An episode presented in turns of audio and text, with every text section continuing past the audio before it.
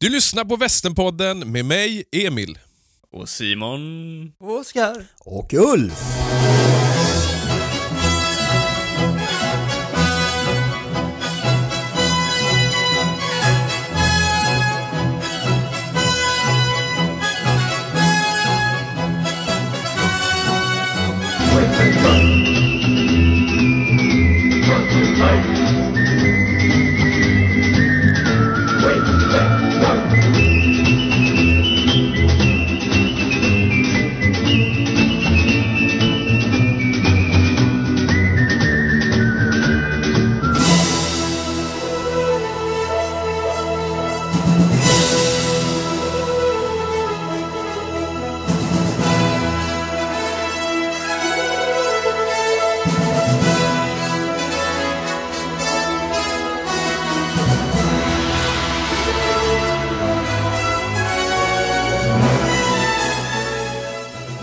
Mina damer och herrar, idag har vi alltså nått fram till det 40 avsnittet. Wow. Ja, det är en milstolpe. Men det sjuka är att det, det känns som att vi har sagt det här ganska många gånger nu. Åh. Det är 38 avsnittet. Wow! Shit, det är så nu. många. Vi har, cele- vi har celebert besök också. Ja, just exakt. Vi har celebert besök här nu. Ja, det känns otroligt bra att vara här. Det är, är fantastiskt. Ja, okej. Ja, nej, men jag tror vi... Nu, nu, nu, nu, nu känner de till dig.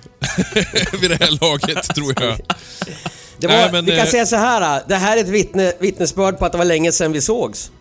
Ja, Vi precis. småfnittrar och skrattar hela tiden. Som små flickor, ja. Ja, Mm. Det- Tala för dig själv va? ja Oskar, du, du kom nyss hem.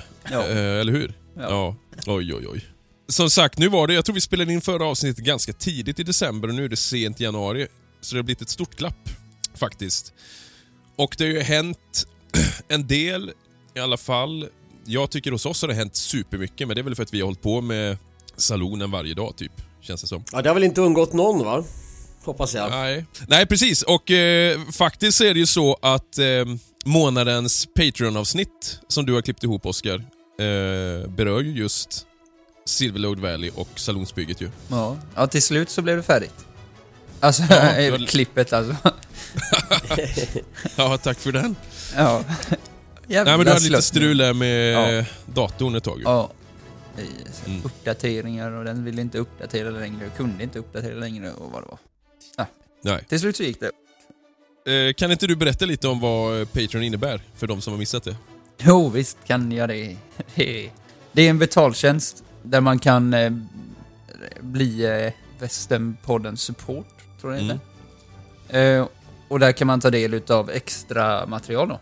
Mm, Eh, men som man betalar 20 kronor i månaden så får man ett, eh, som nu då fick i januari, fick ni ju ett eh, långt avsnitt, 37 minuter långt filmat material från Silverlord. Mm. När man får följa med eh, ja, från första planen när, det, när ni drömde om ett litet Carson City till att ni Mm. nu står med en färdigbyggd saloon. Ja, i stort sett i alla fall. Mm. Ja, rätt kul. Jag hörde också att den eh, var på tapeten den här skulle få med eh, som kandidat i Guldbaggegalan. Mm.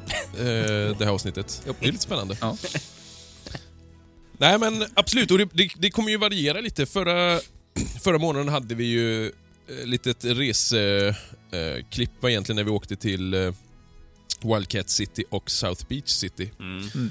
Och sen har vi också, om man blir Patreon får man ju gå med i en eh, superhemlig Facebookgrupp. Just det. Där vi också kan lägga ut, eh, ja men det kan komma lite, alltså vad som helst egentligen. Ja, ja men den här lättklädda kalendern till ja, exempel. Exakt. Mm. Exakt. Så utöver det som kommer på Patreon kan vi få eh, ännu mer extra material på den, i den här gruppen då. Precis. Vi kan ju säga det redan nu också att nästa månad eh, kommer ju inte vara en film utan då blir det eh, bortklippt eh, poddavsnitt kan man säga egentligen. En liten del av poddavsnittet som hamnar där. Och sen eh, Mm. vad heter den svenska westernfilmen? Där de, den som ju aldrig släpptes. Den, alltså den finns ju Fro- ingen. Frozen Star. Frozen Star, ja. Det är den de har jätter som står och betar på slutet. Ja, för att fylla ut till fullängdsfilm. ut. Just det. Vi, Nej, vi, vi ko- har... det- Vi har Det, det är en ko. Det är en ko som idisslar ja, i kossor ja. fyra, fem minuter. Ja, vi har, vi, har ju, vi har ju typ, utav de här 37 minuterna så är det Emil som står på, på, på åken och man hör inte vad han säger. Det bara blåser. Man- Står och pekar, pekar åt olika håll. Ja, det är sjukt jättesant. Fast vi klippte bort en del av det. Ja. Ja. Nej, men absolut. Och vi kan ju säga det här som sagt, det, det, det är ganska många som har hört av sig och frågat just om det här Silverlode Valley och liksom vad tanken är. Lite om det är privat eller om det är... eh, Nej men det, det kommer ju vara öppet för event så småningom. Eh, Men all den infon kommer. Eh, Vi kommer väl ha något mindre för, som jag skrev på Facebook till någon, till närmast sörjande först och främst liksom. Så det blir väl vi i podden-gänget. eh, För att kolla så att golvet håller när vi dansar. Eh, och som Ulf säger på filmen upprepade gånger, röker pipa och... Har du sett filmen Ulf? Nej? Nej. vadå, vadå, är jag med i, det, i den Ja. Patreon-filmen här alltså? Och den Ja. var inte godkänd, så Här, okej. här röker vi pipa. Här, här har vi marknadsstånd. Kan vi sätta ut en gungstol? Ja, Här är Ulf stånd. det kommer... Ja, Men är det inte så överlag att Patreon-materialet, det är snarare det mest roliga materialet? Det som inte vi vågar släppa? det kan... Risken är att det blir så ja. Det, det känns... Den risken känns överhängande. Det, det om det, så det, det, det kommer väl komma lite mer info framöver. Nu kommer vi börja planera... Det är så roligt för nu har vi börjat med inredningen. Nu åker vi runt olika loppisar och sådär. Jag söker nu efter en spegel som jag kan ha ovanför bardisken. Som är lång. Ja, en lång... Två meter. Lång, smal. Ja, helst två meter. Men det är inte lätt att hitta på loppis alltså. Nej. Ulf, du skulle kolla Majorna va?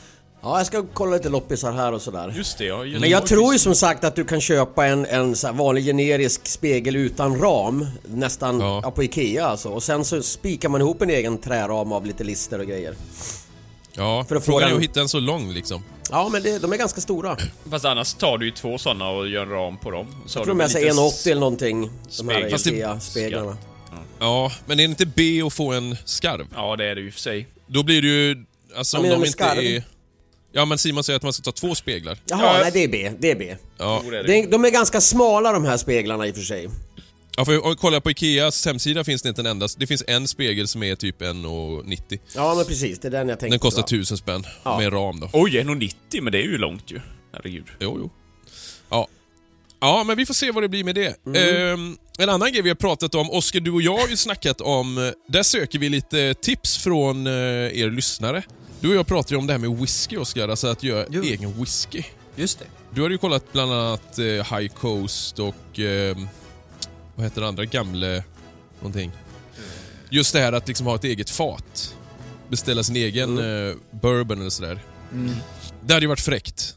Det har varit Och- fräckt Om, om folk har erfarenhet av det så får ni gärna dela med er. Alltså för man vill ju kolla så att man kan smaksätta den så att man får en liten egen prägel på den. Liksom. Så har ni tips på ställen som är prisvärda för att till exempel göra en eh, eh, sats med eh, bourbon eller liknande så hör gärna av er till oss och, och tipsa.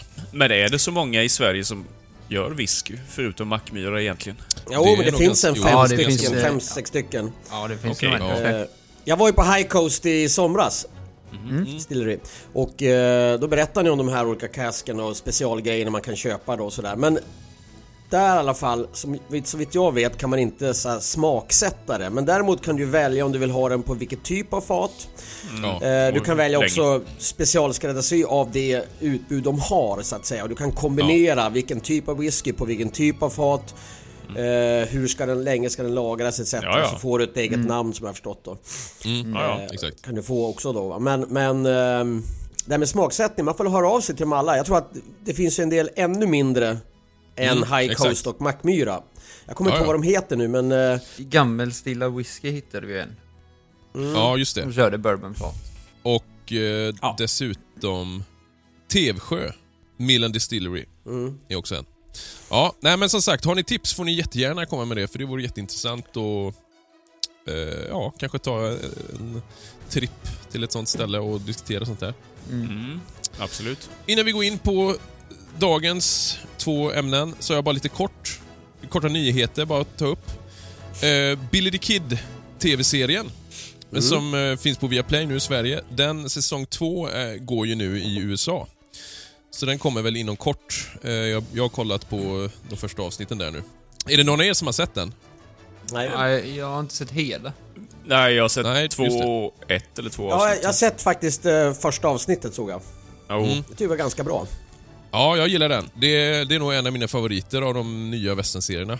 Så den kan rekommenderas varmt. Den finns ju att få tag på eh, om man vill redan nu, men annars kommer den på Viaplay relativt snart. Man kan också nämna att Rust, den omtalade filmen eh, med Alec Baldwin där hon Jaha. fotografen Helena Hutchins dog, Mm. eh, som vårdarsköts. Eh, de första bilderna från den har släppts och då är det just hennes foton. Eh, väldigt duktig fotograf. Man får lite eh, John Ford-vibbar, det är nog tänkt så. Okej. Eh, finns en artikel på Moviescene till exempel där man kan kolla. Det är ju det är stormigt kring den här filmen fortfarande. Alltså den är nog färdiginspelad tror jag, men... Och han, eh, han friades ju, eh, Ja. Baldwin, för misstankar. Men nu har, har han eh, anklagats igen då. Okej. Så vi får väl se vart det tar okej. vägen. Oj, det var, det var ju länge sedan va? Det var ju mer än ett år sedan. Mm. Två år sedan, eller? T- Två år sedan är det nog. Ja. Nu menar de eh, att det, det kan inte gått av utan att han har tryckt på avtryckaren. Han hävdar ju att han inte har tryckt liksom. Eh, så man får se.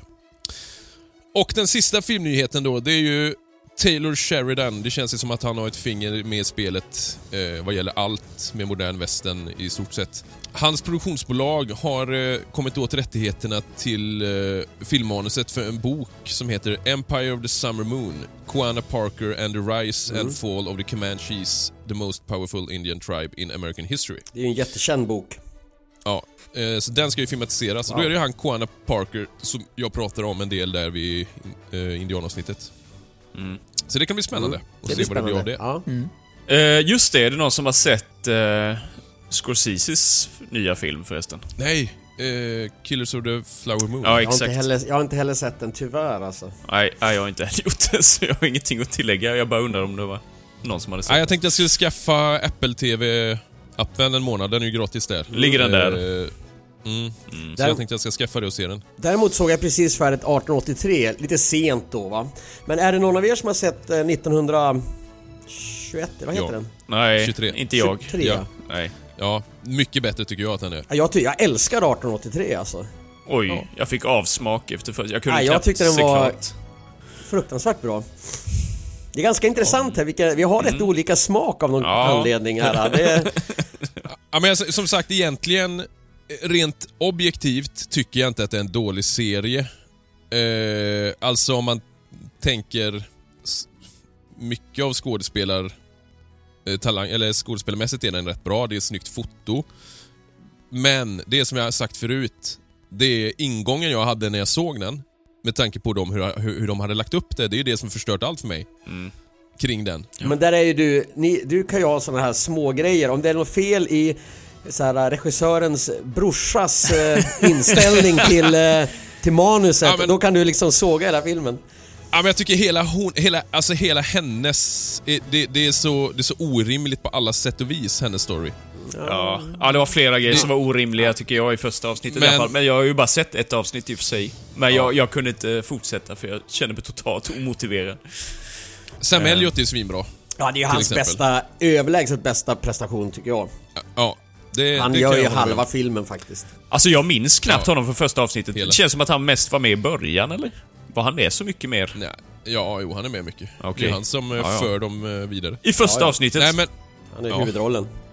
Ja, okej. Ja, det var ju ett tag sedan Det jag var, såg det var den. någon annan film du såg tror jag. Det var, Så kan det vara att... det var den där Joel men- McRae-filmen från 1925 Ah, ja, det var någon, som du ja, det såg. var någon. East, Eastwood-film från 73, tror jag. Oj, oj, oj. Ja. Nej, men jag skulle säga att 1923 däremot, skulle jag säga är rejält mycket bättre Mm. eh, på alla plan. Det som jag sagt förut, jag tycker att om den hade varit istället 1880 så skulle 1880 varit 1860 eller någonting. På, alla, 40. på alla plan, även skådespelarmässigt alltså. Absolut. Ja. Oj då. Ja, Harrison. Ford vill man ju se igen här. Han, Ja, Helen Mirren är också jättebra. Ja. Alltså, Ja. det, Timothy Dalton. Timothy Dalton! Oj, just det. Han Ja, med spännande. Herregud. Herregud, skurken. Oj, oj, oj. Den är fantastiskt bra. Eh, vi fick ju ett, en present också innan jul, eller Erika snarare fick ju en present. Ja, just det. Eh, från Spanien. Vänta, vänta, vänta, jag ska bara... Det ringer. Vänta, jag ska bara... Det ringer ja. Fy fan vad dåligt. Ja men precis, det var ju Colsers eh, Remington Double Coolt. Derringer då. Coolt. Ja. Colt. Och där är en liten rolig grej då kring denna. Eh, bara en jättekort recension. Den heter ju Model 95. Och då tänkte jag direkt, jag hade väldigt dålig koll på den här, jag tänkte åh nej, då är det ju 1895. Då kan man ju inte använda den. Men eh, så var det ju inte. Tillverkades den så sent ens? Den tillverkades 1866 till 1935. Oj, så sent alltså. Jävlar.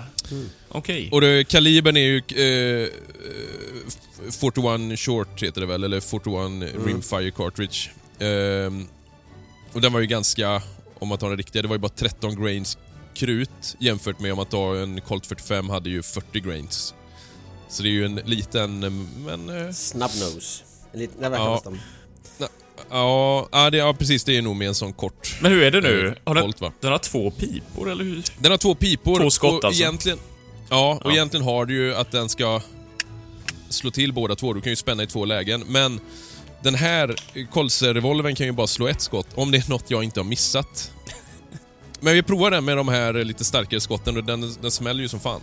Mm. Eh, nej, men en, en, absolut en trevlig liten revolver. Jag vet inte om den har kommit ut på, i svenska butiker än, kanske den har. Jag tänkte säga vilka svenska butiker finns kvar. Ja men eh, vildsvin, eh, eh, kulan, Kulan ja. Men Ja, jag vet inte. Men eh, annars kommer den säkert inom kort. Och så ska jag bara flagga för i sommar så kommer ju vi medverka med podden och vi kommer spela med Wild Rag Band på, det tror jag vi nämnt förut. Eh, då är det ju ett jättestort CAS-event.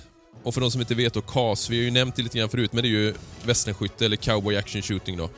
Som har sin, eh, det är ju baserat på just cowboy-skytte och, ja, dynamisk skytte som det kallas. Eh, med inspiration från västerneran då.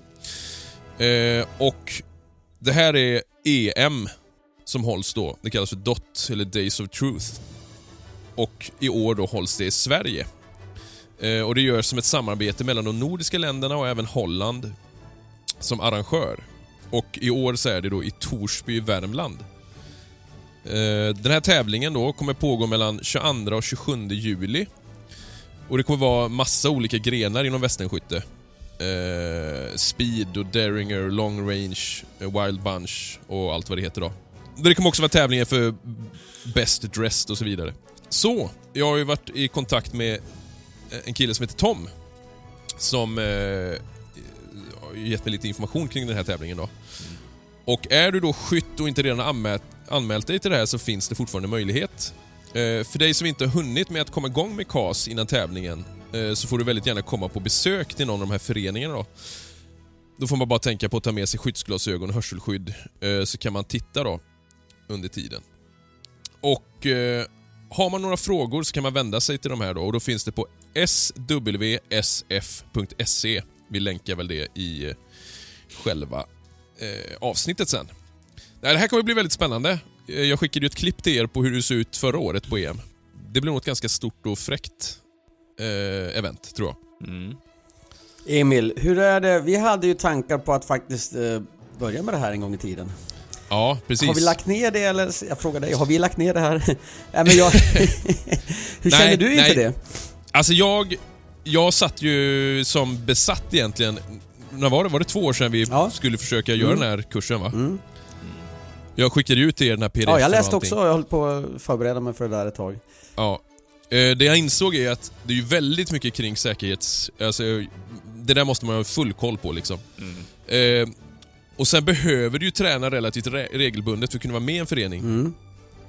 Eh, så det som hände för mig var ju att det här med staden hände. Mm. Så det här kommer ju få ta fokus. Så jag sa det, jag pratade med Tom om det med.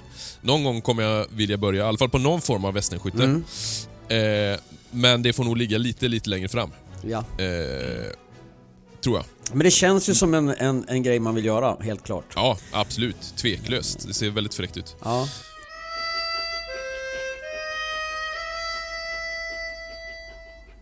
You uh, interested in fashions, harmonica? I saw three of these dusters a short time ago. They were waiting for a train. Inside the dusters there were three men. So? Inside the men there were three bullets. Men eh, nu sticker vi ifrån det här ämnet och så tar vi en liten knivigare... Eh, ett, nej, vänta. Det, det här kunde man göra något bra. Det var snyggt instick. Hur ska vi ta oss från det här? Det var en knivig fråga. Ja. Ja, vi, vi sticker vidare helt enkelt. Eh, vass... Ja du? Det var en eh, knivig fråga, lägg Emil. ägg, lägg ägg, lägg ägg nu. Eh, Vassislas. Vass kan den vara. ja, nej, okej. Eh, ämnet som vi tänkte ta upp lite grann idag då, är ju just knivar. Om jag bara får ställa en fråga till er, om ni tänker nu i västernsammanhang eh, och ni tänker kniv. Vilken kniv tänker ni på då? Vad tänker man på då? Jag Är tänker det på McKayens kniv. Schweizisk Ja, det är en sån armékniv. David, David Bowie-kniv va? David Bowie-kniv. Var det inte Ja, han men som uppfann den, David Bowie? Jo, jo. Jo, visst var det det det. var det. Nej men en Bowie-kniv va? Eh, Oskar, har du en Bowie-kniv? Ja. Det är kanske är det som är skillnaden. Bo, Bowie, det är det amerikanska uttalet va? Och Bowie är det engelska. Du, David ja. Bowie. Jag tänker ofta Bowie. på... Är Bowie. Säger du Bowie eller Bowie, ja? Eh, Vad, Bowie, vad, vad säger ni? Bowie-kniv. Bowie, säger jag. Bowie är kanske kniven då och Bowie är eh, sångaren. Ja. Så vi alla har ju en Ja, vi Bowie-kniv. köpte också en, jag köpte också en sån. Och då kommer nästa fråga då. Vad är det vi brukar porträttera kanske mest? Vad är vi för roller då? Trapper. Men Ulf, trapper brukar ju inte du vara. Du brukar ju inte ha trapperkläder på dig när Nej, någonstans. jag brukar ju inte det. Men eh, det är väl det man skulle ha haft egentligen när man har en sån känner jag. Ja, men om vi tänker på vad vi är för någonting oftast Ja men då är vi cowboys. Ja, eller jag tänker ännu oftare nästan är vi ju kanske... Ja, man tänker Stats- Riverdale i alla fall. Ja, det folk. kanske varit lite både och. Och vad Man var... går inte omkring med en Bowie-kniv om man är stats... stats Nej, det är det jag menar. Fast det är precis det jag menar. Men eh, om man tänker Jim Bowie då? Mm. Var han en trapper?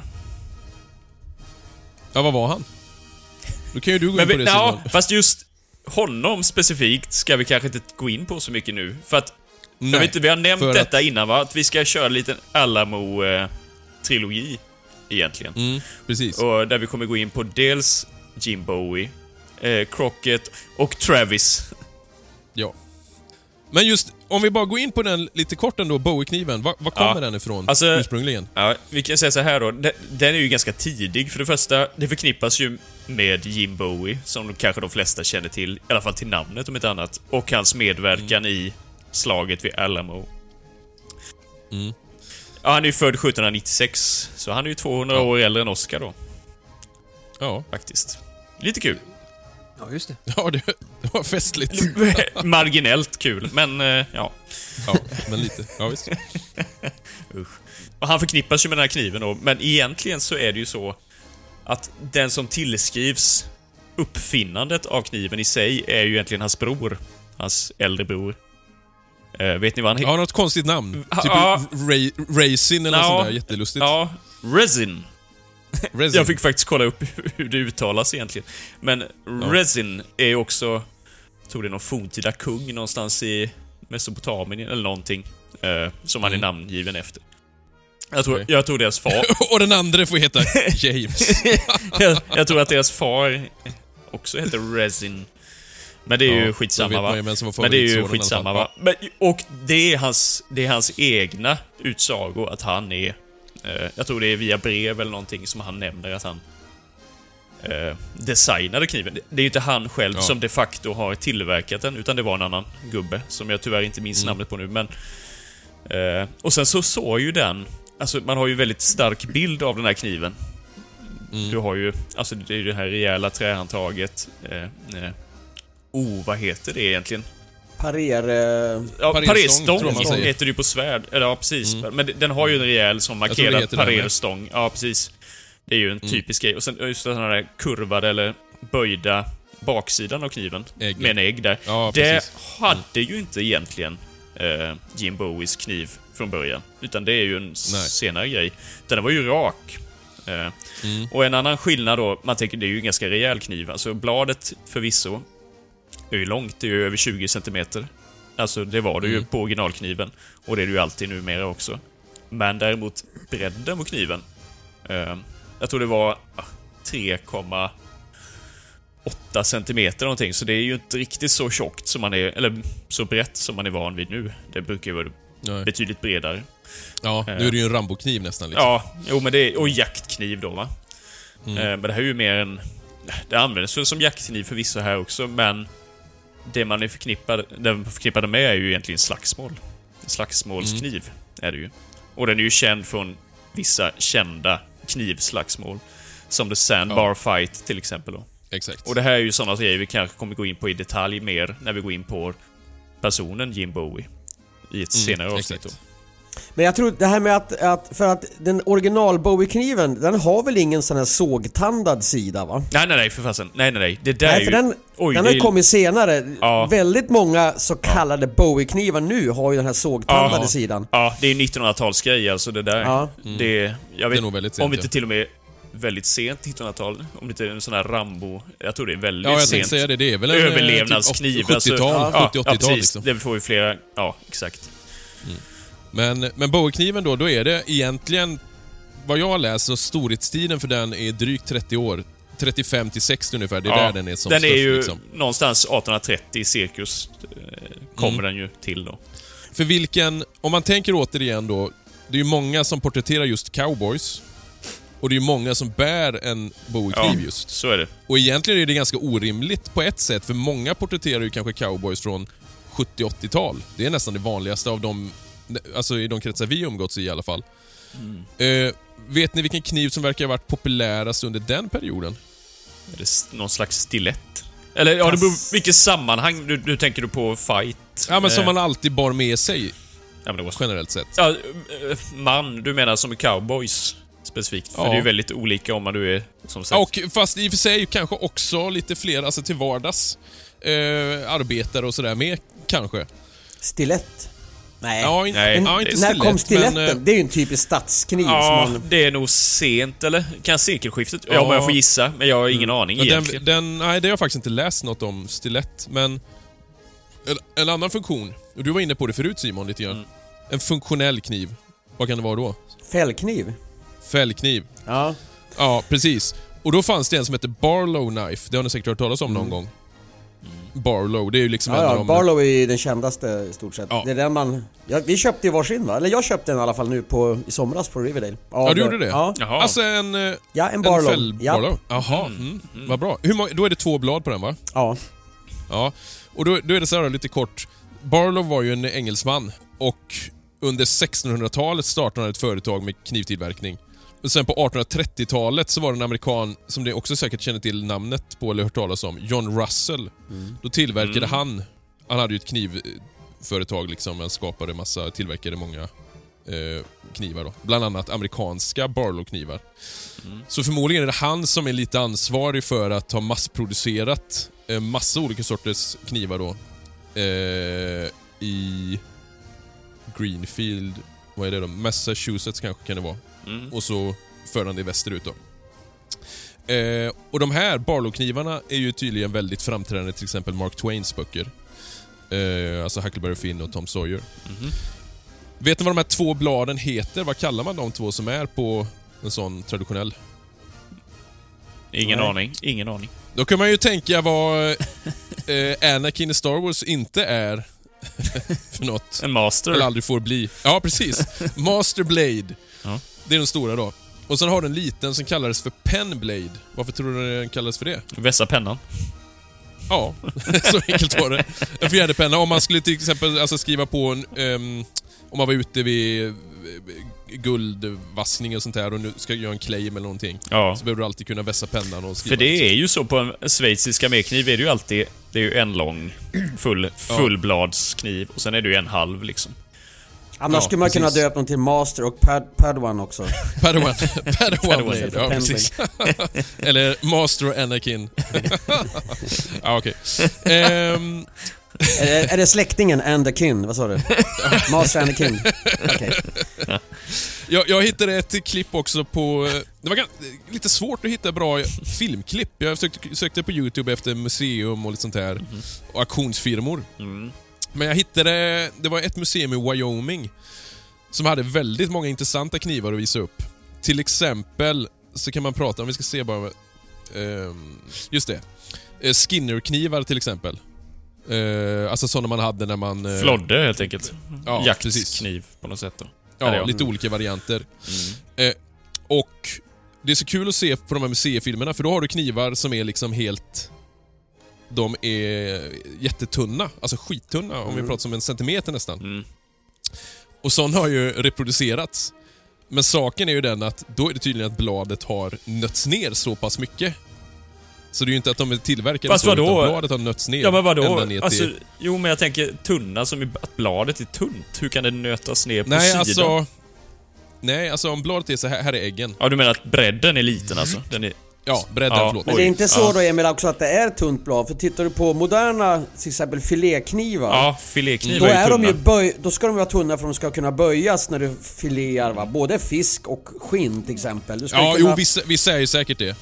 Men, Ja. men, men man ser här, han, han visade då liksom just att de har eh, använt så pass mycket att det har Ja. gått ner och så har man slipat om, slipat om, slipat om. Mm. Eh, och en... Det ska finnas en kniv, jag, jag fattar inte riktigt om det här är namnet. Alltså antagligen är det Green River Works Butcher Knife number 15. Eh, ska tydligen varit en vanlig kniv, jag vet inte om det är hela namnet. Men Butcher Knife number 15 Eh, tack, i jag alla skulle vilja ha fall. en sån här green... Det är den vanligaste... okej. Ja, men jag, jag har sett, eh, det är alltså den här kniven. Ja, den ja. Jo men okej, då vet jag precis. Det ser ut som en smörkniv. Ja, men det ser just eh, lite välvt blad Ja. Uppåt så. ja. Och det är ju väldigt vanligt för de här. Och då, var- som sagt, du var inne på det, vad används de till Simon då? Eh, ja, eh, slakt antagligen. Ja, och hudar och grejer. Ja, exakt. Eh, Skinnberedning. Ja. Eh, Ja, f- att flå. precis. Precis. Och sen kan det ju vara så också att du hade kanske ett kavallerisvärd. Eh, om du varit med liksom i kriget. Eh, Inte jättepraktiskt kunde du- kanske.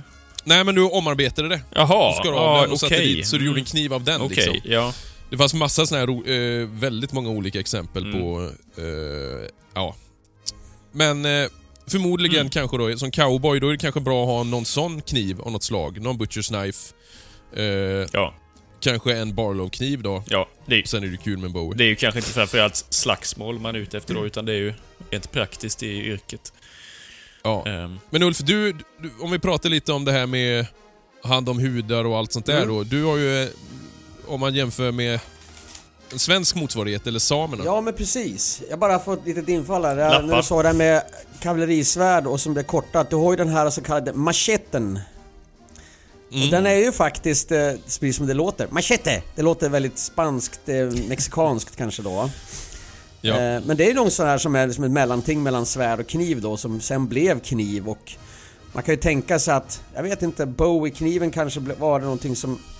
För det är väl en sån här eh, allround-kniv egentligen. Det är väl därför den är stor och tung, för du ska kunna använda den till vardagliga sysslor och till viss del, lite ja absolut. hugga Jo. mindre kvistar Ja. och kvista Jo, träd och Ja, lite absolut. sådana sysslor. Men eh, som sagt, när det gäller same, om vi tar den biten så jag har ju en hel, jag har en, ett antal sådana sameslöjdade knivar. Eh, Och det är väl det jag använder om jag på något sätt använder kniv till var, eller om man är ute till, på, på fjälls eller gör någonting så är det ju samekniv.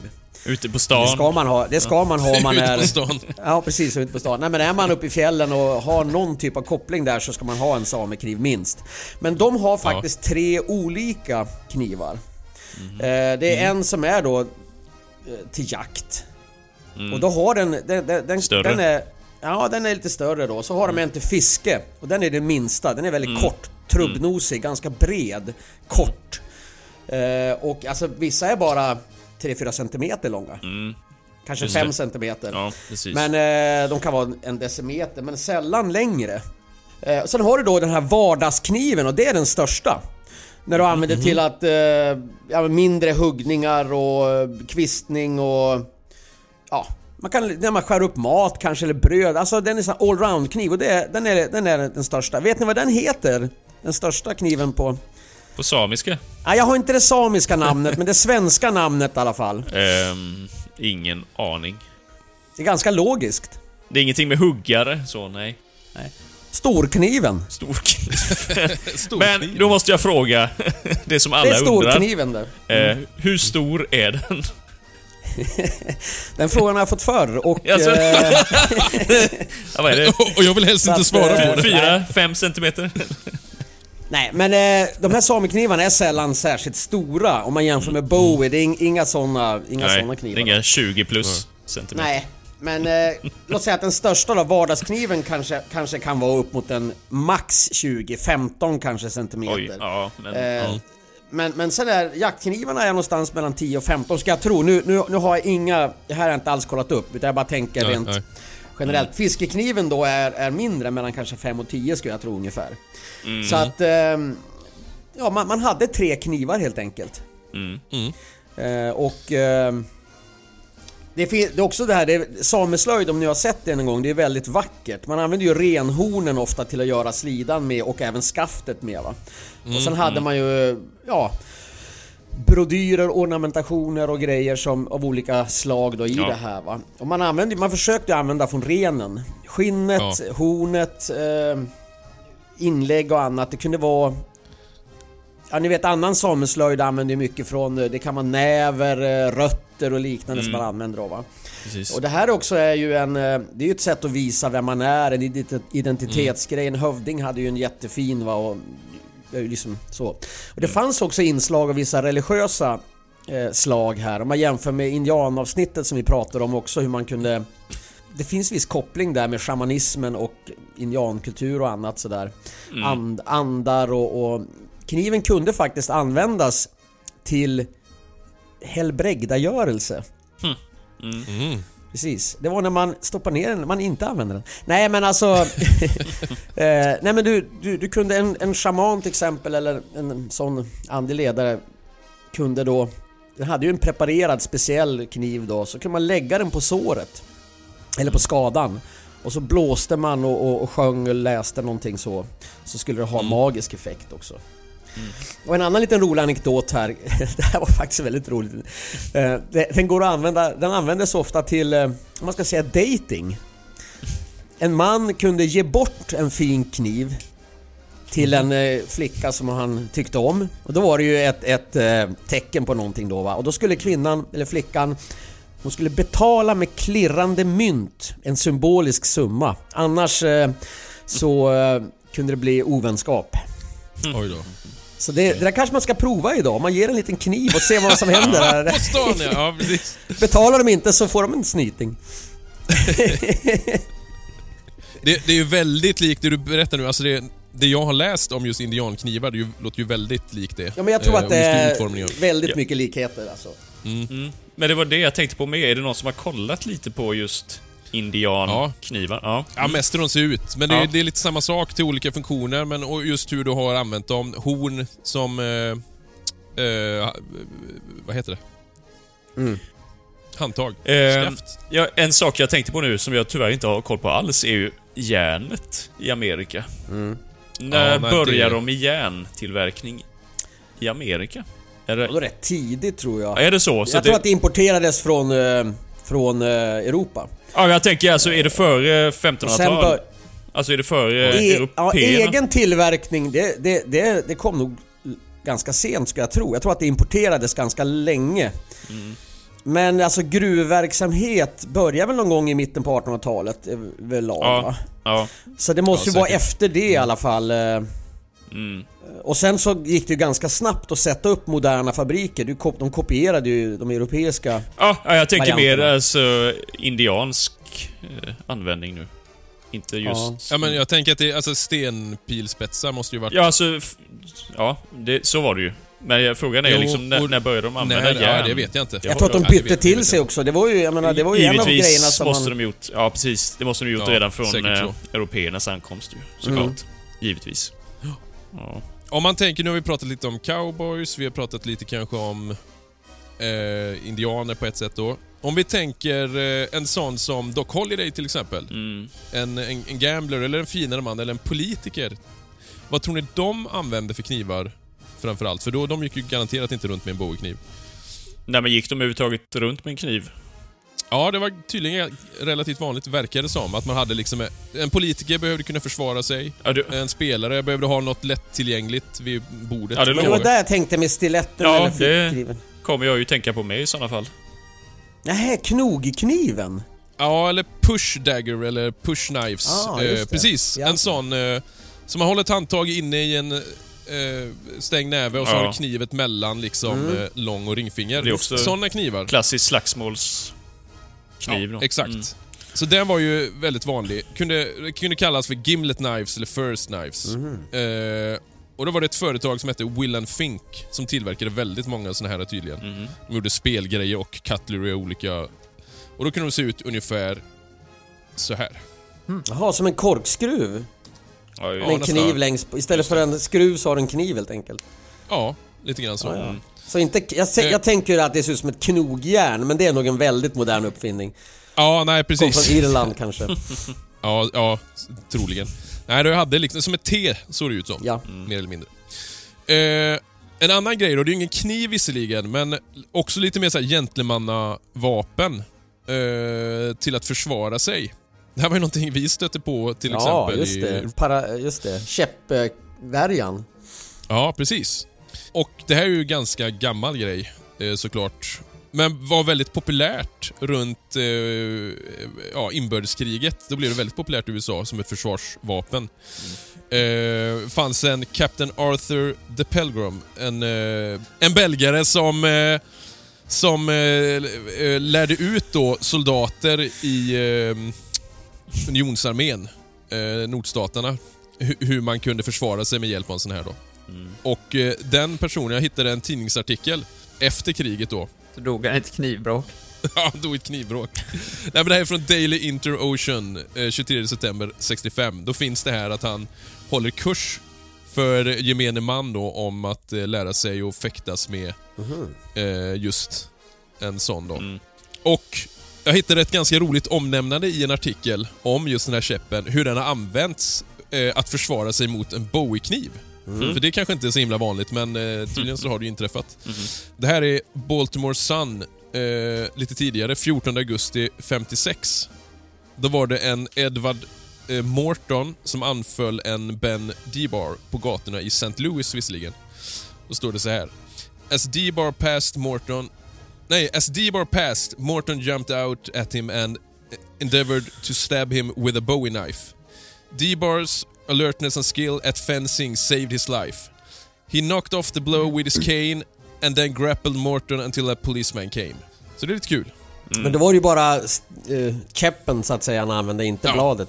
Ja, Visserligen, men han fäktades väl med ja. ja. eh, käppen. Mm. Så det är lite spännande. Mm. Jag bara snabbt kollade upp stilett här nu, eh, för jag, vi har inte hängt upp oss lite på det. Ehm, Och det verkar ju vara väldigt, ganska ovanligt överhuvudtaget, kanske inte förekommande i festens sammanhang. Däremot, alltså originalet, eh, eller ursprunget är ju, det heter ju stilet, Låt mig gissa. stiletto. Ha- Harlem. Stiletto. Nej men alltså, det är ju italienskt. Jaha, och egentligen jaha. företeelsen finns ju, en föregångare finns ju redan på sen medeltid. Ehm, Mm. Så sett. Men sen, och det, det sprids ju just bland eh, italienare sen, emigranter. Mm. Eh, sent 1800-tal. Och sen är det kanske förknippad med mycket eh, gängkriminalitet och sånt i Mm. Amerika. Men Kanske framförallt då stadsmiljö och östkust. Mm. Eh, framförallt. Inte ett tips till Nej. er som reenactar, reenactar västern helt enkelt. Inte egentligen. Ja. Det här är intressant, vi får nog forska vidare i det här. Ja, det får nog göra. Ja. Faktiskt. Man kan säga att det är en knivig fråga. Ja, Det är det ja. Mm. Absolut. Det är äggande är den i alla fall tycker jag. Ja, väldigt äggande. Jo. I said throw down, boy. You gonna do something or just stand there and bleed? No? I didn't think so. Men nu tänkte vi ta oss vidare till nästa ämne. Och då tänkte vi gå in på lite populärkultur och... Eh, ja men, hur västern har... Eh, dels återspeglats i populärkultur, men... Eh, inte, inte västernfilmer då, utan i andra sammanhang. Eh, eller eh, ja, men hur man har influerats utav västern liksom. Mm. Mm, precis. Ehm, jag tänker eh, spontant på om man ska gå till eh, början egentligen, eller ursprunget, när det gäller populärkultur kontra västern, vad tänker ni på då? Ja, men det, det, är, det här är ju en sån svår fråga för att ordet populärkultur, när ens definierades Ja. begreppet? Nej, Eh, jag vet att inom det ju. musik och så när man pratar om pop Mm. Då pratar man någonstans 40-50-tal Mm. När radion kom och det spreds Alltså ja, ungdomskultur. Ungdomskultur och liknande 50-tal skulle jag Ja. säga. Rock'n'roll. Och då var ju western poppen, egentligen liksom. överspelad som period va? Så att däremellan då 1880 till 1940 Det är ju ett ganska långt spann som ändå Western har påverkat det som sedan blev populärkultur Så då får man ju gå tillbaka som du säger lite grann och Men jag tänker mer Ja. när det blir populärt som fenomen, alltså vad ska man kalla det egentligen då? Där västern blir det. Ja, alltså som, ja exakt. Som fenomen. Jag ska säga att det är 50-tal, att det är där det Ja, boomar. jag tänker tidigare, alltså jag tänker Ja, men de redan... tidiga filmerna kom väl tidigare, 30, Ja, vad sa jag du? menar, du har du ju redan, ja, tidiga filmer, det är ju redan ni- 1890-tal egentligen. Om du ska kolla Jo. tidiga filmer, men jag tänker ännu tidigare. Alltså, det är ju en företeelse så, Ja, ja, jo men visst, alltså de här showerna. Ja, ännu Eh. tidigare. Det som är innan showerna egentligen. Det är... Dime novels. Ja, exakt. Det är det jag tänker på. Ja, precis. Där har du ju Mm, egentligen okej. startskottet på något sätt, liksom att popularisera detta när det blir någon Myten slags... om eh, västern, Exakt. Det, det är ju där Mm. det börjar egentligen, de här dime novels. Så det är ju redan 1800... Ja, oh, är det precis. 50-tal eller någonting? 60-tal? När man romantiserade cowboykulturen kan man säga. Vi Precis, pratade om ja. det lite i cowboyavsnitten där. Ja, exakt. Mm. Och det är det, och sen så spins vidare på i de här showerna då. Eh, sent 1800-tal. Och så och, småningom som sprider sig till Europa. Och jag menar, myten Mm. kommer ju där, det här exotiska på något sätt. Ja. Eh, det börjar ju redan där egentligen. Och sen hänger ju det med. Det måste man ju liksom få ha med sig när man tänker på filmer Ja. och populärkultur på något sätt. Alltså, det är li- myten. ja. ja. Mm. Det där är lite intressant för jag, jag satt, jag, jag har, det här är det enda avsnittet eh, som jag egentligen inte har läst in mig på faktiskt. Nej, jag nej, sitter inte med massa anteckningar. Nej, precis. Men, men jag, började, jag tänkte ändå lite grann så här, hur ska man angripa det här? Mm. Eh, och jag tänker så här två delar. Det ena är ju liksom då om man pratar om kultur, olika delar av kulturen, musik, film, litteratur, kläder, mat etc. Va? Mm. Hur western har påverkat de kulturella uttrycken. Men så tänker jag, man får nästan gå ett steg tillbaka. Vilken typ av kultur är det man pratar om här? Vad är det som är själva kärnan i western som sen har spridit sig? Och då börjar jag tänka, precis som du sa där, ehm, så tänker jag lite på det här med, det handlar om någon sorts myten där, drömmen, det, det som man vurmar om, vad är det man Drömmen om det här nystart, pionjärandan, den Ja, naturliga friheten, liksom. friheten. Precis. Eh, Men sen finns det ju även det här amerikanska eh, det här, att, det här rikedomen som drev väldigt många. Om vi pratar bort från cowboy-eran men ändå den här tiden va. Guldgrävarna och Ja. den här entreprenörandan. Egentligen, för- the, liksom. the American dream är det ju. American dream Essentiellt på många sätt. Ja, precis. Och då får man säga, vad är American dream? Där tror jag att western och cowboykulturen har påverkat ganska mycket the American Abs- dream. ja. Absolut. Och den Ja, kanske absolut. till och med kommer från någonting som är ännu tidigare med American Dream. Jag tror att det här flyter samman på ett sätt som är... Ja, det är ju det centrala i det Ja. liksom. Mm. Så är det ju. Exakt, och det drivs ju givetvis, alltså de som emigrerar är ju personer som drivs av just detta. Det Mm. är ju så, du tar dig ifrån någonting. Ja, jag vill Ja. få det bättre. Det, det är just den här driften på något sätt. Och det är klart att det samlas väldigt många sådana människor med samma drift. Mm. Det blir ju en slags kultur av detta. Och sen har vi den här Lone Ranger då som kanske kom lite mer från cowboyens liv då. Eh, att få vara i fred, friheten att få liksom lämna ut i naturen. Det, det kanske är en liten annan aspekt av det då? Jag tänker också att det kan vara... Det här är ju liksom egentligen den kanske sista... Alltså den, den, den moderna myten egentligen. Alltså om vi pratar om, vi kan Mm. prata om eh, eh, eh, King Arthur och hela den här Mm. biten. Alltså väldigt, Precis. Det känns så långt tillbaka i tid, Ja. men det här är ändå relativt nära. Ja. Mm. Och jag tror att Precis. man håller kvar vid det här för att det här är, det är den sista ehm, Ja. mytområdet liksom. Ja, precis. Och, och det här har ju på så många sätt återspeglats, alltså än idag. Jag tror just för att det är kanske den sista, att det här påverkar tematiskt i stort sett alla filmer, Mm. alla, alltså Mm. på många sätt. Vi har det goda eh, mot det onda, Ja. eh, just det här... Arketyperna är ju friheten. väldigt Ja. ja. essentiellt egentligen i detta. Alltså de här Ja. väldigt tydliga arketyperna. Som Ja. finns Kan vi ge representerade. exempel på, om, vi- om vi tänker, om vi går in lite på för att ta det lite enkelt, eh, filmlandskapet Mm. som vi har idag. Kan vi ge några exempel? Vad sa du? när- när- när man Filmlandskapet som... Vad sa du? som vi har idag, Mm. som är väldigt tydligt eh, liksom eh, påverkat av teman som dyker upp i framförallt kanske dime novels eller westernhistorier. och så här. Vad har vi för någonting? Oj. Vad tänker ni på då?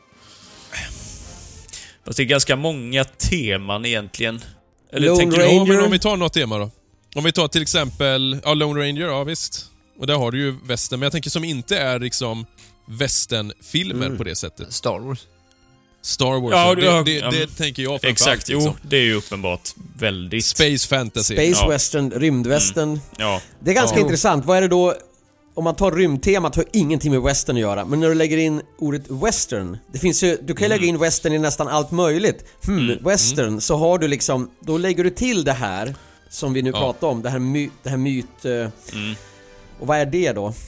Vad är en rymdwestern till skillnad från en rymdfilm? Ja, jag tänker, Ja, men jag- ju rymd, alltså science fiction och rymd har ju ganska mycket med västern att göra. Det är ju det här oexploaterade Ja, området absolut. egentligen va? Ja. Pionjärandan, upptäcka... Ja. 2001 liksom, egentligen. Om man vill. ja. Om man vill. Definitivt kopplingar. Jag tänkte Avatar är också en sån. Mm. Alltså om man ja, tar ett det är ju väldigt, modernt exempel. Ja, väldigt. Det är mycket ju- kopplingar där, egentligen. Ja, men då har vi det här med Ja, natur också. Naturmystiken som finns med mycket i western också. Ja, och att erövra. Ja, alltså, det här ta landet för Ja, sig ja, själv. precis. liksom. Ursprungsbefolkningsgrejen ja. Jag tänkte på en sak, man pratar om det här med pionjär, pionjärkänslan. Mm. Så har du ju, om man tittar, vi pratade om Virgil, uh, Virgil-avsnittet där lite grann också. Eh, de, var- de arbetar ibland som, så att säga, bonde, farmer. Ja. Eh, Det är ju en form av pionjär. Du skaffar ett eget hus, du ska bli självförsörjande, du får en odlingslott. Alla har chans att få en sån. Det är liksom en sån här äh, dröm då att skapa något eget och odla och bli självförsörjande. Och det andra är ju då mer cowboy-biten då. Det här lite Lone Ranger, att upptäcka. Det är egentligen en helt annan grej. Men båda faller liksom lite grann in i det här pionjär... Det kan ju vara att upptäcka nya marker eller det kan vara att odla din egen lott så att säga. Eh, ja, jag hade ju ett spel. Jag gillar ju brädspel som alla kanske vet vid det här laget. Ja, ja. Och ett av mina första brädspel som jag hade, som jag blev så nästan besatt i, det hette ju Pi- Pionjär. Just det. Ja, Ja, just Och det, ha, det handlade just om det här att, att eh, du skulle liksom bygga upp din ranch och eh, du upptäckte, du gick på olika stigar, indianstigen och du skulle samla fisk och du skulle samla... Eh, men det var också det här med att vara bonde och att liksom odla på sin mark, man skulle bygga upp det här va. Så det är liksom två olika aspekter tänker jag av det här pionjärdrömmen. Som är intressant. Absolut. Sen, jag, tänk, jag tänkte på en annan aspekt också. Mm. Du var ju lite inne på det förut. Men kläder Mm. Mm. är också en sån sak som än idag påverkas väldigt mycket. Jag tänker bara på jeans till exempel. Eh, som man förknippar ganska hårt med västern och som, vågar man säga det, en överväldigande ma- majoritet har på sig än idag.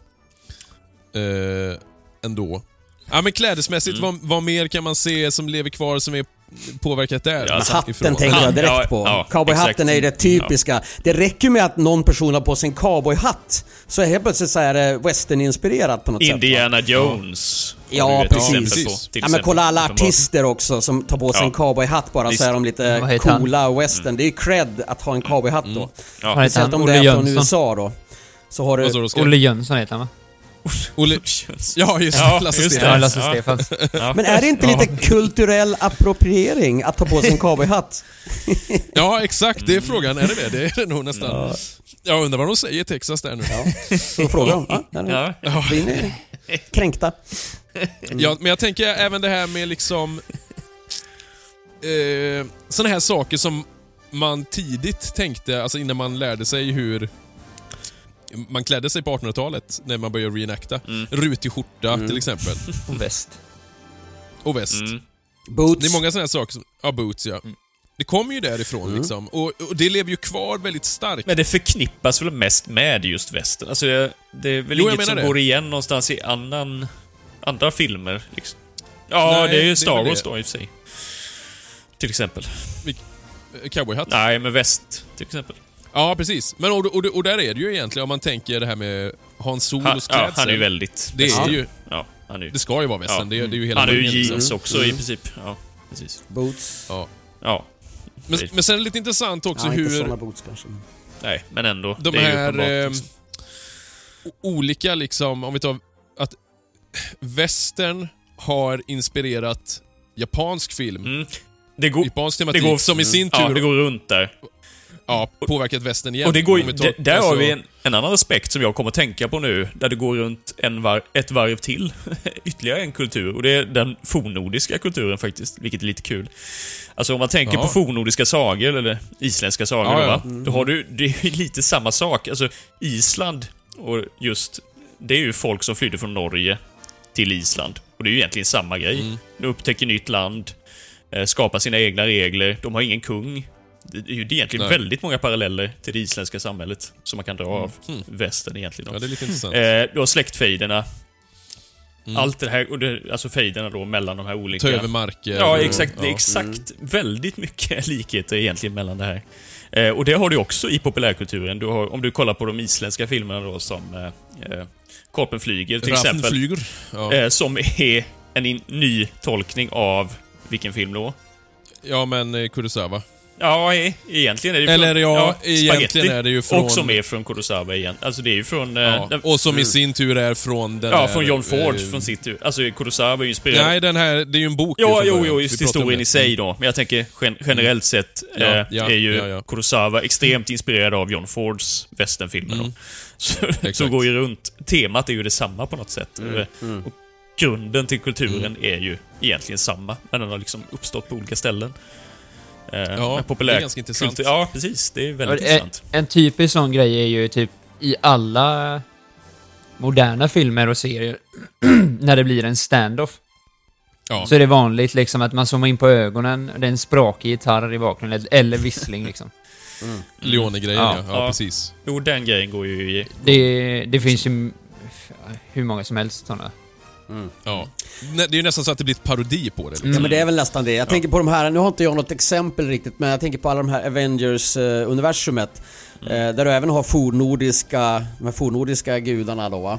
Ja, Eh, så, fort, så fort de ska vara lite coola, så de bara, det är en cowboyhatt, det är liksom det här... eh, Det, det, det, det har... Ja, men, har inte. Tor en, någon cowboyhatt någon gång och är lite cool sådär? Nej, har han inte det? Jag tror inte det. Nej, jag vet inte. Hulken, har inte Hulken en cowboyhatt innan? Jo men du tänker, du, det är den här, Så, det är den här porrparodin du tänker på. göra, när Hulken kommer in med adaption här. En egen adaption. Nej men jag menar ofta så... Det är så här, ja men det, det är ju en sån bastard av... Nu skrattar ni åt Du har sett Bollywood-versionen av Ja men oftast är det ju bastarder av olika kulturella uttryck som man kastar in utan Ja. att överhuvudtaget ta hänsyn till någonting va. Ja. Du slänger in ett par boots, en cowboyhatt så ger det ett uttryck av någonting. Lone Ranger. Ja. Eh, jag, jag skulle kunna skulle tänka mig till exempel att Wolverine skulle kunna ha en Ja, cowboyhatt och ett par absolut, boots. För att, absolut. Det har han. Ja han men har ju exakt, det jag menar ju- Han har ju det. Så att eh, det blir någon sorts bastard lite grann va. Man, man bara slänger in, vad är det? Jo, western symboliserar Ja. det här. Då, då tar vi in lite de här grejerna då va. Frågan är, är det medvetet eller om... Alltså, vad vill du förmedla då? Är det egentligen bara en, bild? Du har bara en känsla utifrån någon slags Ja, förförståelse? Ja, Symbolik. Man Ja. använder symbolik på olika Ja. sätt. Jag tänkte på en grej, en sak som jag faktiskt inte har funderat på förut. Men just där, återigen nu knyter jag tillbaka till Star Wars då. Eh, men det är ju en karaktär som är väldigt, väldigt populär, i alla fall i de gamla filmerna. Eh, vilket är lite märkligt med tanke på att han har väldigt lite speltid. En prisjägare. en prisjägare ja. Bara där. Boba Fett, Mm. som, Ja, som, just som har sagt liksom är Mm. skapad utifrån Ja, eh, Clint Eastwoods det. Man utan namn. Det. Har ni tänkt på vad det är för ljud när han går? Ja, det är... Ja, sporrar. Sporrar, ja. Sporrar Ja. ja. Men han, han har inga sporrar. Så de har bara lagt dit i ljudet. Ja, det är det intressant. som är lite kul. Ja. ja. Det är lite som... Eh, eh, vad heter det? Eh, Ja men, ja. ja men, Men det var väl från början, delar var det är inte det från början Westernfilm. från en westernfilm? Jo, Det är westernfilm. 50-tal någonting. Ja, precis. Den används ju överallt idag. Mm.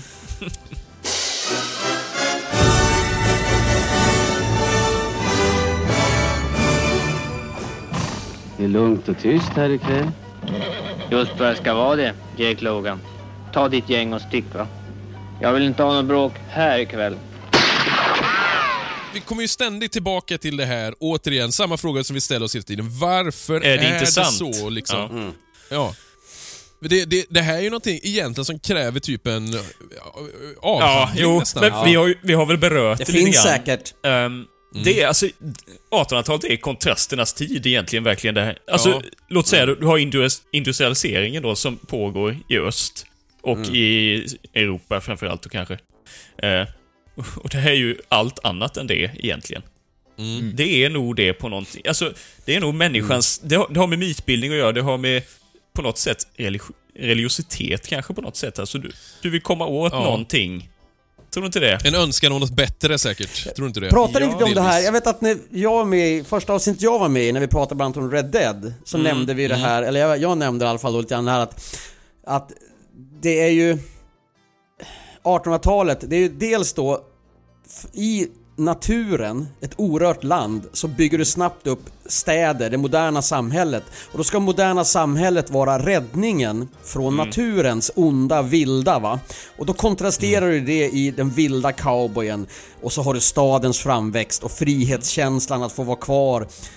Och så ska staden då med kyrka, lag och rätt rädda då människans vilda natur från att liksom gå crazy då. Men idag så vill vi ju rädda människan från stadens korruption ut Mm. Ja, tillbaka precis. till det Ja. fria vilda och där har du Exakt. den här åter... Mm. eh, the return av de här typen av myterna då som blir så starkt.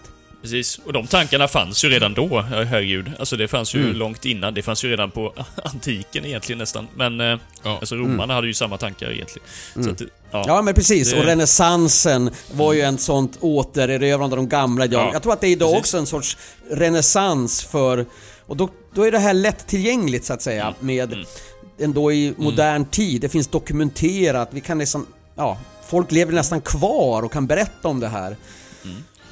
Absolut. Jag tänker också att det är tacksamt i alla olika forum just att få en, en berättelse på något sätt. Mm. Att berätta någonting. Om vi tänker, jag försökte analysera jättemånga, både moderna och lite äldre countrylåtar. Mhm. Med väldigt blandad kvalitet. Alltså vissa texter är så Mm. jävla usla.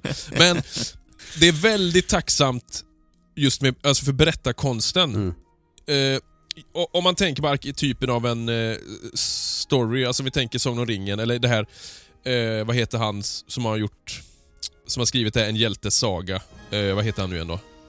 Den här boken som eh, George Lucas har, eh, Hjältesaga. ja men, eh, vad heter det? A Hero's Journey. Den här boken som George Lucas utgått från. Alltså, t- Joseph Campbell.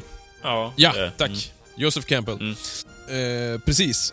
Jag har läst delar av den, väldigt intressant bok. Eh, Wow, ja. och, och, läser du den, då ser man så alla eh, action Nu äventyrsfilmer måste jag Just läsa, även den verkar en resa på väg liksom.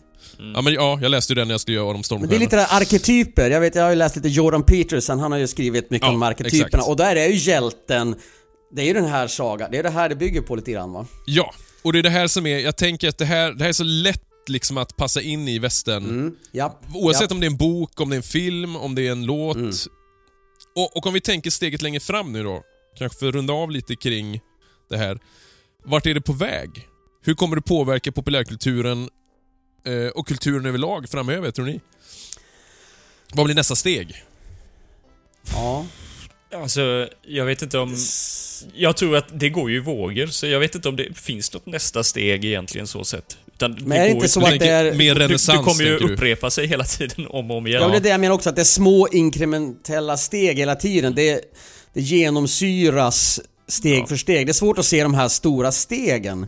Ja, Ja. Det, det kan jag inte se. Ja, men jag tänker att vi, utan- vi har ju haft vågor där vi har fått stora steg. Jag tänker, tänker du? Space Western till exempel. Jaha, du tänker Ja. så det rent genremässigt egentligen? Och Ja, men då kan jag ge ett litet, eh, jag kan ge en liten tanke där. Eh, Alltså om vi är inne på musik till exempel.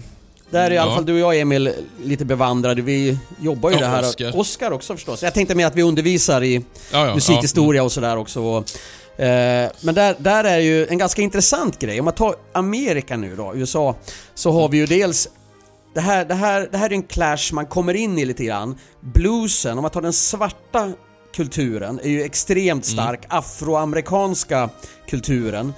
Och Ja. den vita då, motsvarigheten då. Vi har blues och vi har country.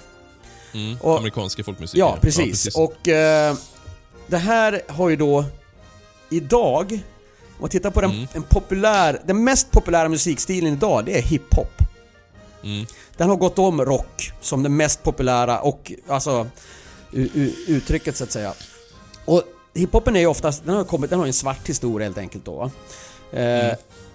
De har ju börjat, det finns ju nu ett uttryck som heter hiphop, eh, ska vi se vad den heter här. Eh, det finns två, country hiphop eller country trap. Ja, det låter riktigt jävla Ja, dåligt. Det och låter- finns massa det låter artister fruktansvärt. Eh, Verkligen Lil- motsägelsefullt på något sätt. Ja, Det men ju li- li- extremerna Lil på något Nä- sätt. Eh, Lil Nas X är en väldigt känd sån eh, Gjorde med han Billy? Ray. Cardi B, det finns massa såna här och de är oftast, de är svarta, de kommer från hiphopen, men de har börjat köra country-inslag i sin hiphop.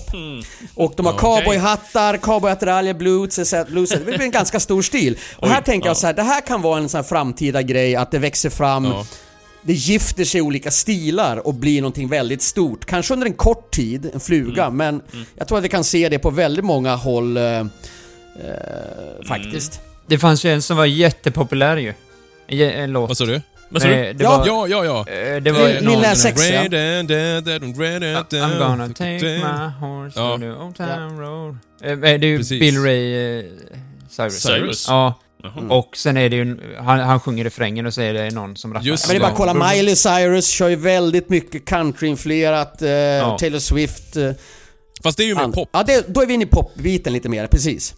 Ja, för där kommer också in på en grej att countryn och countrypoppen börjar ju bli superpopulär igen. Jag tänker Luke Combs och massa, alltså... Ja, sen har du ju han, vad heter han? Har ju precis gått över till country. Han stod och sjöng med, eh, på Elvis, vad heter det? Eh, vad, vad fan heter Elvis? Graceland. Graceland ja. Mm. Eh, Vem, vem då sa du? han har ju precis... Post Malone heter han ju. Ja, precis. Post Jaha. Malone, ja. ja. Okej. Eh, han har ju precis eh, bör, börjat släppa massa countrygrejer. Mm. Mhm. Eh, och jag menar... Det, är mycket sånt som går på TikTok, är populärt nu liksom. Ja. Och, eh, Och festivaler också va? Ja. Alltså västernfestivaler börjar också Mm. bli mer... Ja. Mm. Och då tror jag, då är det intressant om även hiphopen börjar Mm. eh, leka lite där, för det, det kommer bli två olika ben att stå på. mm. Mm. För det ena blir ju mer, tror jag, traditionellt amerikanskt med popinslag. Och det andra då mer hiphop. Alltså usch, jag är ledsen men det låter fruktansvärt värdelöst Mm. i mina öron. Men då undrar man, Högst vad är, det, åsikt men... vad är de här som är hiphopen där? Vad är det för grejer? Vad är, hur ser inslagen ut? Är det liksom rent musikaliskt eller? Ja, säkert. Tema. Men jag tror att det är... Jag tror att det är ja, countryn blandning. är ju... Om man tar Ja, musik så är ju countryn är ju... Om man tar bort, alltså bara rent musikaliskt, Mm. så tror jag att man influeras av den stilen också. Men sen är ju estetiken också, är ju helt klart där. Ja. Kollar du på rock, rocken till exempel, det ligger ganska nära, countryn och bluesen är ju väldigt nära. Ja, alltså det är ju, det är det. Absolut. Eh, och växer rocken kommer ju från egentligen. Bluesen egentligen, mer än countryn. Men countryn har ju påverkat rocken väldigt mycket. Och Absolut, även estetiken av cowboy Absolut. hat, boots, det, är Ja, bara, ja, det ja. finns ju... Definitivt. kan räkna hur mycket som 70-talet. helst. Ja. Ja, ja, visst. Men sen tänkte jag på en annan grej. Musiken kan man ju prata om ett eget avsnitt om. Mm. Egentligen, det är ju så otroligt stort va? Det får vi kanske göra någon gång. Men jag Buddy tänker på... Holly. Jag, jag, jag tänker på mat. Nu kanske det är för att vi har börjat eh, gå in mer i westernmat då, men barbecue, bara ordet barbecue Ja, mm, är väl jo. väldigt, så att säga, kommer väl från Amerika, prärien, grilla kött, eh, buffelkött och liksom... Lite, det är lite cowboy-feeling i det ändå, tänker jag va? Ja, det har blivit det i alla Ja, fall. det har blivit det. Och man ska Ja, gärna blivit. sitta med en cowboyhatt och ett par boots när man grillar barbecue och sådär va? Ja, ja. Eller när Eh. man fick eh, chili con carne. Pappa sa ju alltid Ja. att det var cowboymat liksom. Cowboy Ja. ja. precis. Och det, nu, det är väldigt svårt för oss att bedöma om det här är en fluga och kommer tillbaks. I våra liv så är det väl så. Vi har väl börjat allihopa att göra mer den här typen av westernmat alltså och vurma för det liksom så. Ja, du och jag, jag vet inte, gör ni det? Oskar Simon? Alltså, chili con carne är väl det närmaste. Jag menar hur många barbecue-såser har jag i min, i min kyl? Ja, jo, i sig. minst fem olika i alla fall Ja, va? ja. det, det kommer inte ifrån det på något sätt, utan det genomsyrar ju hela samhället. Ja. Det, ja, chili och allt det här liksom. Jävla massa hamburgare. Ja, för, precis. För hamburgare måste få ett genomslag i västern, eller? Ja. Texas Longhorn och alla restauranger som har kommit i Ja. den Mm. bakvattnet och även de här, ja men som sagt... Bourbon. Ja. Bourbon har ju Också kommit upp, grej. absolut. Ja, för det är ju För också 20 börjat år sedan var det inte alls speciellt populärt. Nej, nu det är var det... det inte. Nej, det är sant. Helt klart. Vi kan nog ta på oss Det var det. det Ja. Jack Daniels? Ja. Ja. ja, det är intressant. Som sagt, det, det är kul att se att det genomsyrar så mycket och vart det är på väg. Mm. Jag hade tre, tre grejer jag skulle tipsa om var det här i populärkulturen. Mm. Och det är, jag, vi har ju snackat om det, att vi är perioder, alla tre. Mm. Vi har olika perioder. Just nu är jag inne i en sån här musikperiod. Mm. Ja. Eh, all sorters musik liksom. Så jag hade tre låtar jag tänkte tipsa om. Ja. Eh, Shoot. eh, Run to the Hills med Maiden. Eh, Ja, just det. Just eh, Mm. om man tänker Mm, just det. västern Ja, ja. Sen ja. eh, eh, med våran eh, favoritartist, eller ja, just det. Bruce. visade upp en, Outlaw Pete, en ja. bok. Eh, Outlaw Pete med Bruce Springsteen. ja. Mm. Med hela Western Star... Ja, det finns ju mycket väst. Nej, det här är tidigare. Ja, det här är tidigare, det är Magic va? Magic, va? Ja. Mm. Mm. Och sen, sen en, en, eh, tidig Springsteen-låt. Som är med på den här eh, skivan som släpptes med boken. Just Jag, det. jag har nämnt den någon Yes. gång. Ja, The Ballad of eh, Jesse James. Mm. Ja, och inte den man tror att det är, utan det är ju en egen Ja, skriven exakt. av han. Mm. Ja. Mm. Just det. Ehm, den, den finns på skivan Chapter and Verse. Som släpptes Ja, tillsammans det. med hans självbiografi där. Just det. Är Väl, det den... Heter han The Bruce Springsteen and the... Nej, Det är The Bruce Springsteen Band eller någonting då, bara? ja... Men den finns på Spotify med Ja, den finns på Eller? Spotify, ja. den Den Ja. ligger under samlingsalbum så ligger en Mm. eh, Chapter and Verse då. Eh, vi ska Just se eh, om det är Bruce Springsteen Band eller... Nej, bara Bruce Springsteen. Jag tänker att Oskar, du lyssnar ju också på han den här svensken. Han är ju countryinspirerad. Ja, eh? David Richard. Ja, precis. Mhm. Han är ju väldigt, han är ju väldigt unik stil. Ja. Eh, måste man ju säga. Alltså både sångmässigt och liksom estetik. Ja. Eh, Han är känd för att eh, däckat på allsångsscenen.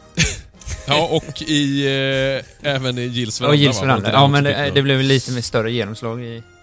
Ja, det, det är hans, hans grej. ja, Ja, Han tycker jag är grym.